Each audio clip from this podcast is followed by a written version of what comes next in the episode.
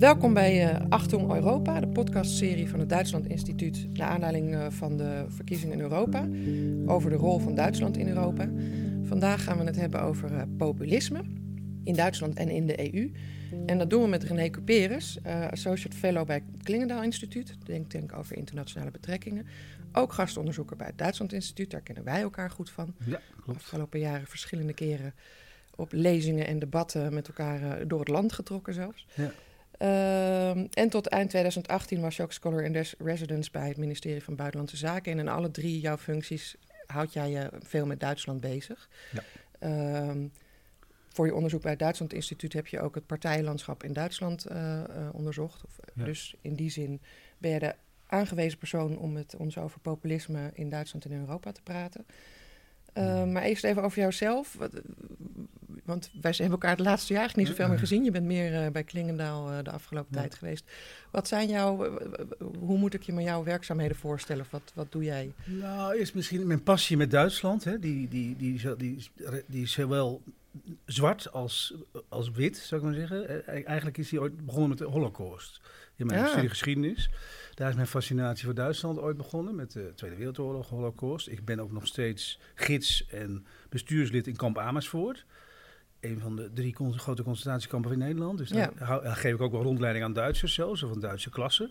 Dus mijn eerste fascinatie is eigenlijk via het zwarte beeld van Duitsland ontstaan. Dus Vanuit de Tweede Wereldoorlog en de Holocaust. Ik, ging, ik sta ook beroemd bij mijn vrienden als iemand die zijn kinderen altijd meenam naar concentratiekampen op vakantie. Dus die vroegen dan altijd, in welk concentratiekamp ben je nu weer met je kinderen geweest in Duitsland? Dus dat is in ieder geval een hele diepe passie of betrokkenheid bij Duitsland. En dat heeft zich gelukkig ontwikkeld ook naar het positieve beeld van het naoorlogse Duitsland. Je hebt dus veel contacten met Duitsers. Merk je dat zij, eh, even vooruitlopend op waar we het zo over gaan hebben, populisme. eh, dat hoor ik zelf vaak van, van Duitsers. Zo van jullie hakken al langer met dat bijltje in Nederland als het gaat om eh, populistische partijen. Merk je dat Duitsers jou daarom vragen? Van hoe kijk ja, jij daarna? ja. En, en, en vragen ze je om tips of advies? Oh, of. Nou, dat speelt wel heel lang. Sinds Fortuin ben ik daarmee bezig. Hè. Dus al 10, 15 jaar ja. kom ik in Duitsland en vertel ik eh, over populisme in Nederland. Hè. En dat is een beetje laboratorium Nederland voor hun. Hè. Zij, ja, zij zijn dat merk je ook dat in talkshows en zo. Ja, dat altijd in Nederland bang- als voorbeeld erbij wordt gehaald. Alleen, ik heb heel lang ben ik op weerstand gestuurd in Duitsland. Hè. Als je, ik heb ook colleges gegeven, gehoorcolleges in universiteiten. En dan vertelde je over de achtergronden van het populisme. En dat het zeer waarschijnlijk ook in Duitsland zou aankomen. En dan keken ze je zeer glazig aan. Van nou nee, wij zijn immuun daarvoor. Dat was eigenlijk heel lang het beeld, vooral in West-Duitsland. Maar eigenlijk ook wel in, in andere delen van Duitsland. Bij de hoogopgeleiden. Dat Duitsland immuun zou zijn voor het populisme à la Oostenrijk, Scandinavië of Nederland.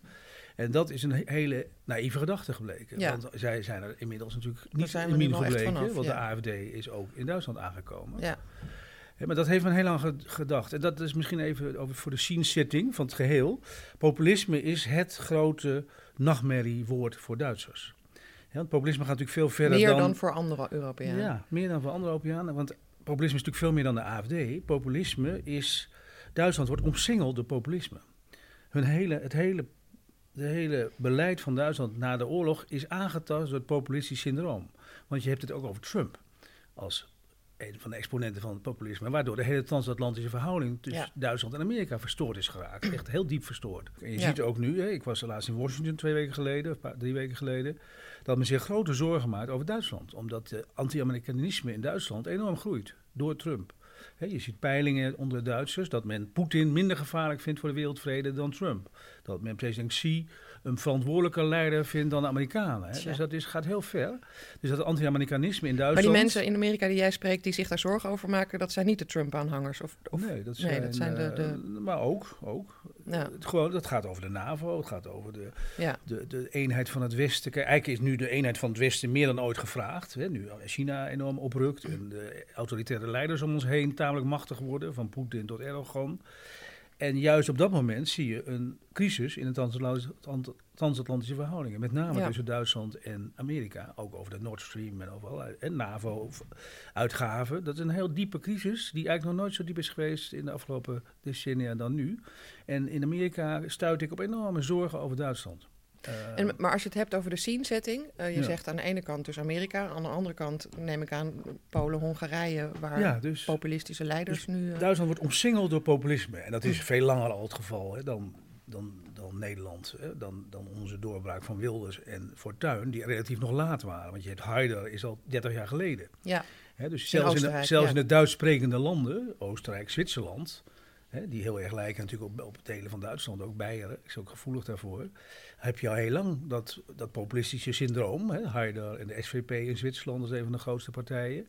Dus zij zijn heel in, naïef geweest over dat het populisme eh, alleen maar beperkt zou blijven tot de buitenwereld van Duitsland. Scandinavië zelfs, Denemarken, Zweden, overal. Nederland zelfs, Vlaanderen.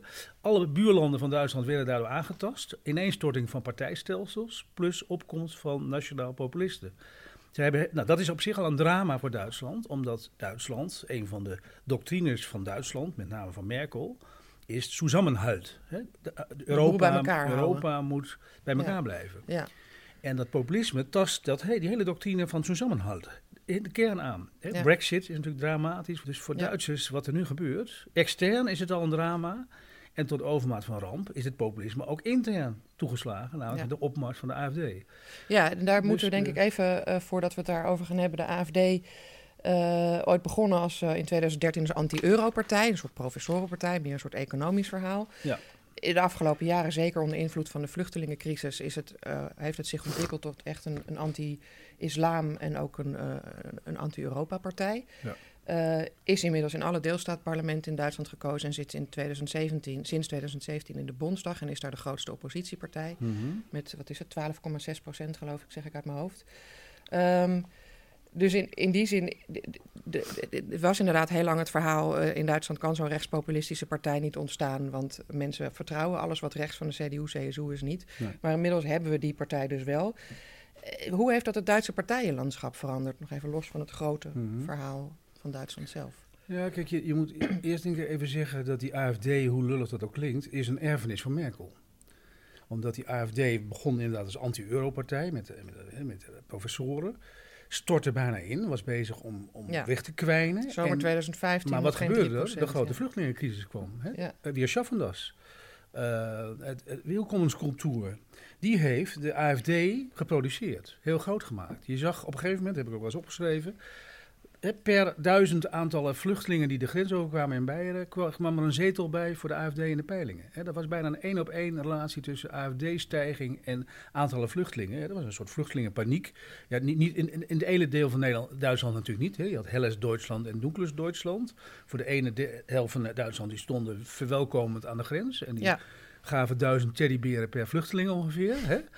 Dat, dat is ook Duitsland. Nou, nee, maar dus je moet daar dus genuanceerd naar kijken. Ja. is niet die AFD. Maar dat was vooral in het begin, want die, die welkomenscultuur zwakte ook.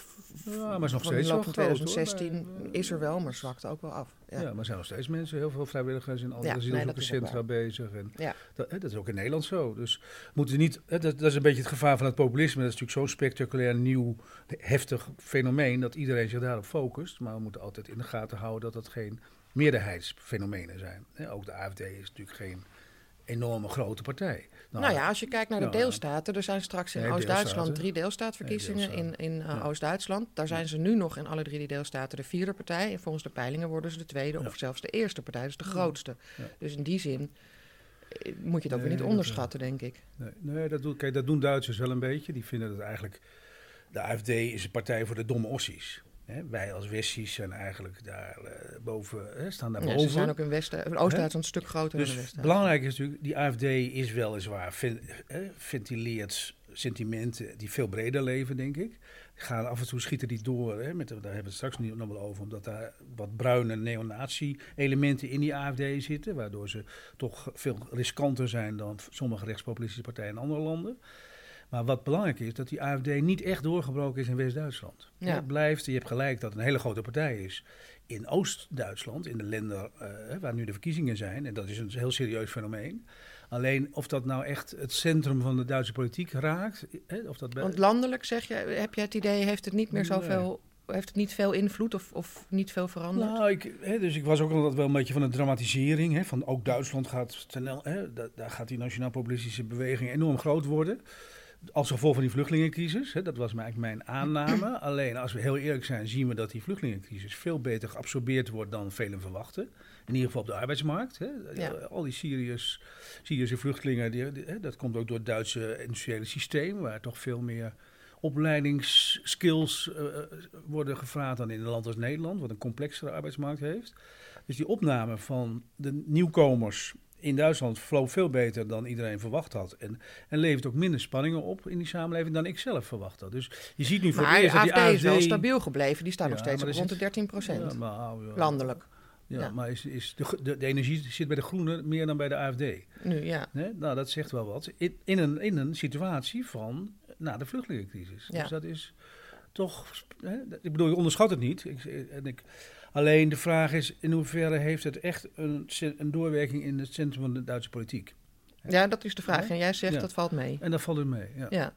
Als je het zou willen vergelijken met, met Nederlandse rechtsextremistische partijen, wat zijn dan de, de, de grote verschillen? Wat, wat maakt de AFD gevaarlijker of anders? Of... Het zorgelijke vind ik van het doorbraak van het rechtspopulisme is dat daarmee ook radicale rechtsextreme, gewelddadige elementen meekomen in die beweging.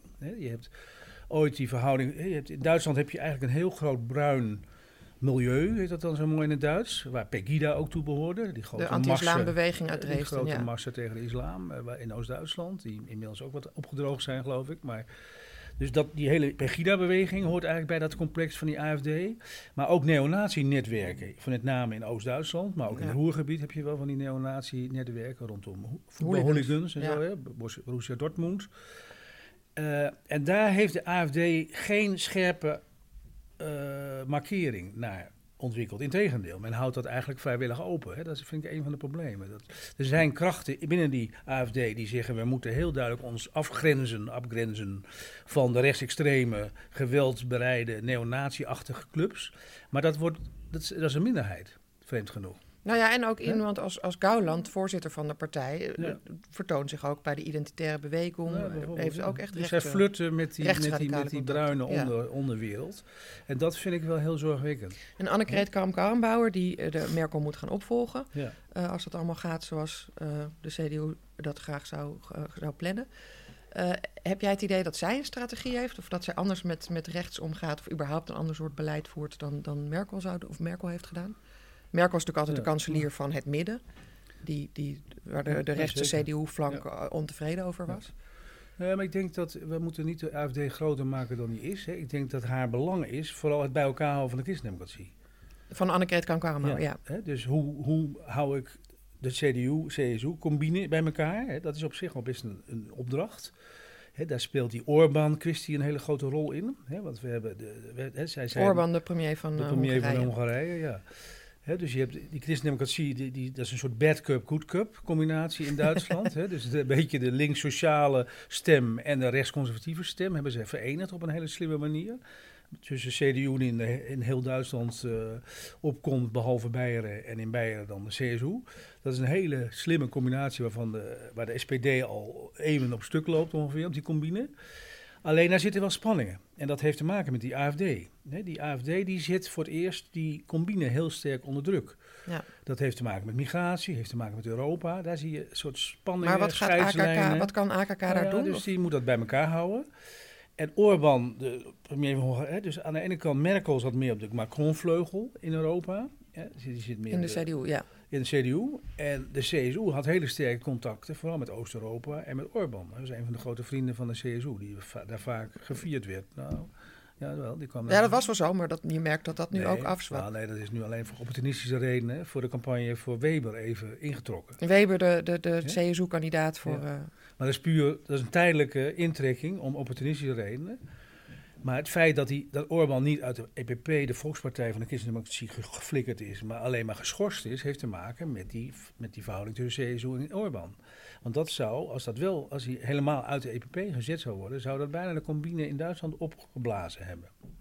Dus die, die, die schorsing is een compromis, is een Duits compromis. om de boel even te sussen Om voor de tijdelijk even te sussen voor de verkiezingen, opdat Weber daar niet te veel last van krijgt in de campagne. Maar dat geeft aan de, de, de, de, de, de verschillen binnen die Duitse christendemocratie. Die, en die Duitse christendemocratie is de pilaar van Europa. Die hebben, hè, dus zonder die is, is het Europees project eigenlijk niet mogelijk. Hè. De Adenauer, Kohl, Merkel, dat zijn de grote dragers van het Europees project. Dus wat er in Duitsland intern gebeurt, is heel belangrijk, ook voor Europa als geheel, ook voor Nederland. En dus die AKK is een sleutelfiguur. Lukt het haar om die christendemocratie bij elkaar te houden, te midden van die spanningen tussen met populisme en niet-populisme? Lukt het haar om Europa bij elkaar te houden? Heeft ze, lukt het haar genoeg om genoeg politiek kapitaal in Duitsland te krijgen om, om energie vrij te houden voor Europa? Dat is een beetje de grote vraag voor de komende twee jaar. Als we het nog even over die euroskepsis uh, in de EU dan zelf hebben, we hebben nu veel over Duitsland gehad. Uh, nou ja, we hebben vijf jaar in het Europees Parlement eurosceptische of rechtspopulistische partijen gehad. Hebben die iets veranderd in de EU? De afgelopen nou, jaren? Dat heeft een, wel, nou, wel iets, maar vooral nationaal. Kijk, het, de ironie is dat die nationaal populisten zijn eigenlijk reacties op elkaar. Hè, dus in Nederland is het, het populisme is voor een deel een reactie op de arbeidsmigratie van Polen en Roemenen uit Oost-Europa. dus, dan, het, dus het Noordwest-Europese populisme is voor een deel een reactie op Oost-Europa. In Oost-Europa is het nationaal populisme een reactie op het decadente Westen, op ons. dus dat, dat, is heel, heel, heel fascinerend. Dat, en in Zuid-Europa is het vooral linkspopulisme, Syriza, Podemos, is een reactie op het de uitbuiting door Duitsland van Zuid-Europa. Dus ja. zij reageren. Dat, dat maar dat zijn dus verschillende vormen van, van ontevredenheid. Ja, dat zijn ja, anders gevuld onbehagen. Ja. Die ook die onderling met elkaar te maken hebben. Dus dan is het best complex om die partijen, die eigenlijk ontstaan zijn door elkaar, om die eh, soepel en geolied te laten samenwerken in het Europese parlement. Het zit complex in elkaar. Hoe verzoen je die dan uiteindelijk, Noord en Zuid en Oost en West? Als, als dat, bedoel, Stel dat AKK dat straks moet gaan doen. Nou ja, kijk, wat, wat mij wel, en dat is meer een algemeenheid, mij, mij frustreert een beetje het gebrek aan nieuwsgierigheid en interesse in elkaar in Europa in het algemeen. Überhaupt? In elkaar? In elkaar. Dat geldt voor, voor, voor, voor bevolkingen, en, maar ook voor politi politici en beleidsmakers. Dus ik vind er eigenlijk weinig nieuwsgierigheid en sensibiliteit voor Oost-Europa bestaan in West-Europa. ik heb niet gemerkt na de val van de muur dat we met z'n allen uh, de Baltische Staten zijn gaan bestuderen of daar naartoe zijn gegaan of hun verwelkomd hebben. We weten nog net zo weinig van die Baltische Staten nu als voor de val van de muur bijna. dat valt met, ook in de media, je ziet geen correspondenten daar naartoe. Dus het, het echte, ik kom vrij veel in Oost-Europa. Hè, dus alleen maar demoniseren van Orbán of van de Polen is te veel te makkelijk. Hè. Je moet veel beter begrijpen waar komt dit vandaan, dit gevoel. Dit tweede, hè, dat gevoel wat ook is heel sterk is dat een tweederangs burgerschapsgevoel. Hè, dat men niet meedoet in het grote Europa. Dat men niet voor vol wordt aangezien. Of dat, of dat men op, onderdrukt wordt of, opge, hè, of dat er allerlei waarden en normen worden opgelegd die men, waar men eigenlijk niet aan toe, toe is. Of überhaupt zich daartegen verzet dus dat, we moeten veel meer begrip hebben en kennis hebben van wat er in Polen, Hongarije en op de Balkan precies gebeurt. Is Duitsland het land dat dat zou kunnen doen? Tussen midden, het grootste land in Europa, midden tussen al die groepen in? Nou ja, die, ik vind er wel iets. Hè, dus Duitsland, zie je bijvoorbeeld Rusland, die daar anders in staan. En dat heeft met begrip. En hè, zijn, de Poetin-versteer zijn, in zijn in Duitsland. En dat komt omdat men meer gevoel heeft voor de Russische situatie en context dus je ziet wel een beetje dat in Duitsland Oost-Europa begint. dat is niet alleen qua eten zo, met, uh, wat, ook al zo is, maar ook qua mindset zie je dat daar halverwege Duitsland zie je ook Oost-Europa eigenlijk binnen ontstaan. In Oost-Duitsland zelf? In Oost, ja, maar ook in West-Duitsland eigenlijk al. Dat zie je al in hun verzet tegen het homohuwelijk. Uh, tot en met Merkel aan toe. Dus daar de, de waardeclash tussen Oost en West, die, waar Poetin en Polen en daar ook extreem in zitten. Dus die loopt, begint al bij de CDU. Dus die, dat, dat traditionalisme van Duitsland is iets wat wij kwijt zijn in West-Europa. En dat, dat vind ik altijd heel interessant om mee te maken als je naar Duitsland gaat. Dat het toch allemaal net iets traditioneler toegaat. Dat is wel wat aan het verdwijnen, maar dat is nog in sterke mate wel aanwezig. En, dat, en, en daarmee, dat is antwoord op jouw vraag, zijn zij dus iets sensibeler voor Oost-Europa. Daar staan en en geschikt, als, geschikt als verbindende factor de komende jaren? En dat is ik dus- praat naar een eind toe. Ja, dat, dat is hun doctrine maakt dat zij begrip moeten hebben voor alles en iedereen.